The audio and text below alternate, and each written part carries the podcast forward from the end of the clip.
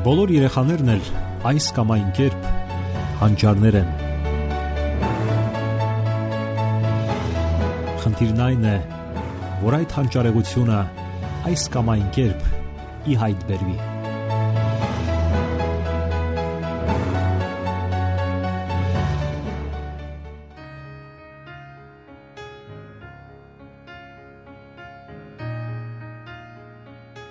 Բարև ձեզ սիրելի ռադիո լսողներ։ Եթերում դասյարակություն հաղորդաշարն է։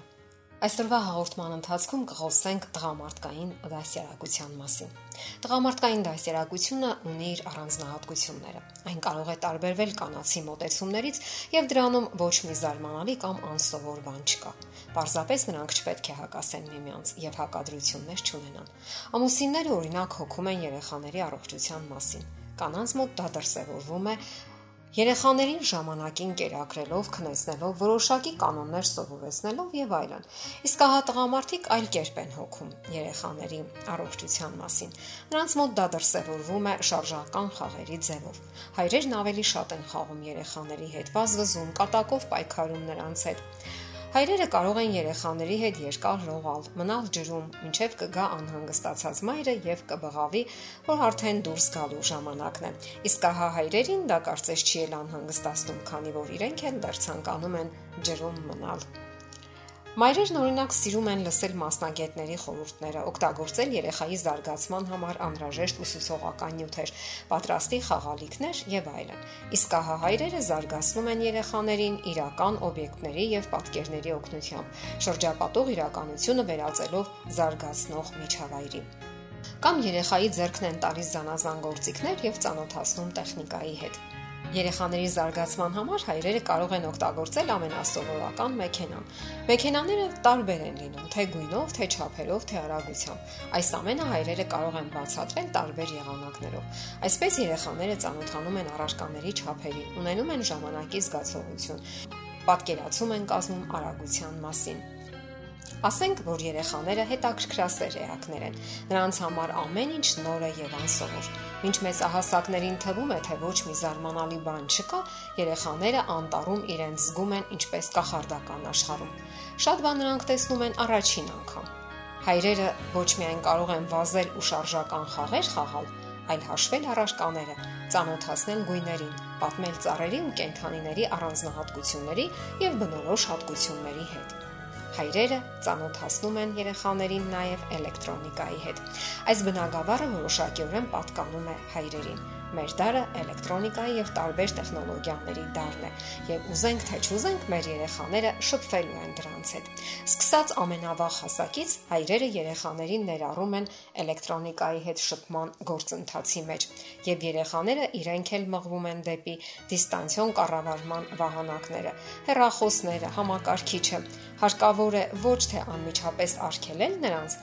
այլ կարելի է խելացի ձևով ծանոթացնել դրանց հետ։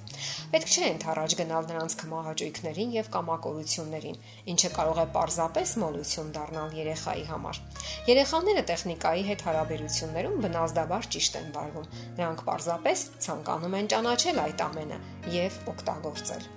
Հոգեբանները հայտնաբերել են հետևյալ օրինաչափությունը. Ինչքան մարդը վաղ է ճանոթանում եւ յուրացնում տեխնիկական համակարգերը, այնքան ավելի հեշտ ու արագ է դա տեղի ունենում։ Օրինակ, ընտանիքում հայտնվում է համակարգիչ։ Մինչ այդ բոլորի հմտությունները զրոյական մակարդակի էին, սակայն բավական է համեմատել նրանց բոլորի հմտությունները 1 տարի հետո եւ པարս կդառնա, թե ինչքան տարբերություն կա տասնամյա որդու եւ ասենք 35-ամյա հոր միջև։ Հասկանալի է նաև, որ այսօր անհնար է պատկերացնել մեր առօրյան առանց տեխնիկայի գլուխգործոցի, բջջային հեռախոսի։ Համարյա ամեն օր մենք լսում եւ տեսնում ենք թե ինչպես նորանում, թարմացվում եւ կատարելագործվում են հեռախոսների հնարավորությունները։ Բոլոր էլեկտրոնային սարքերը ունեն զարգացնելու հատկություն։ Ընկալելով դրանք երեխան սովորում է մտածել դրամաբանորեն։ Մտածողությունը առարկաների եւ շրջապատող իրականության միջև գտնվող կապերն ու հարաբերությունները գտնելու գործընթացն է։ Իսկ հեռախոսը բավականաչափ զարգացնող հատկություն ունի։ Հայրերը կարող են երեխաների դասիրակության մեջ ներառել նաև ֆոտոապարատը։ Հատկապես օգտակար է թվայինը։ Երեխան տեսնում է, թե ինչպես իրերն ու երևույթները արագ վերածվում են պատկերների։ Այս ձևով կարելի է զարգացնել նաև տեսողական հիշողությունը, հարցնելով, թե ինչն է հիշում նա իրականության մեջ եւ ինչն է բացակայում։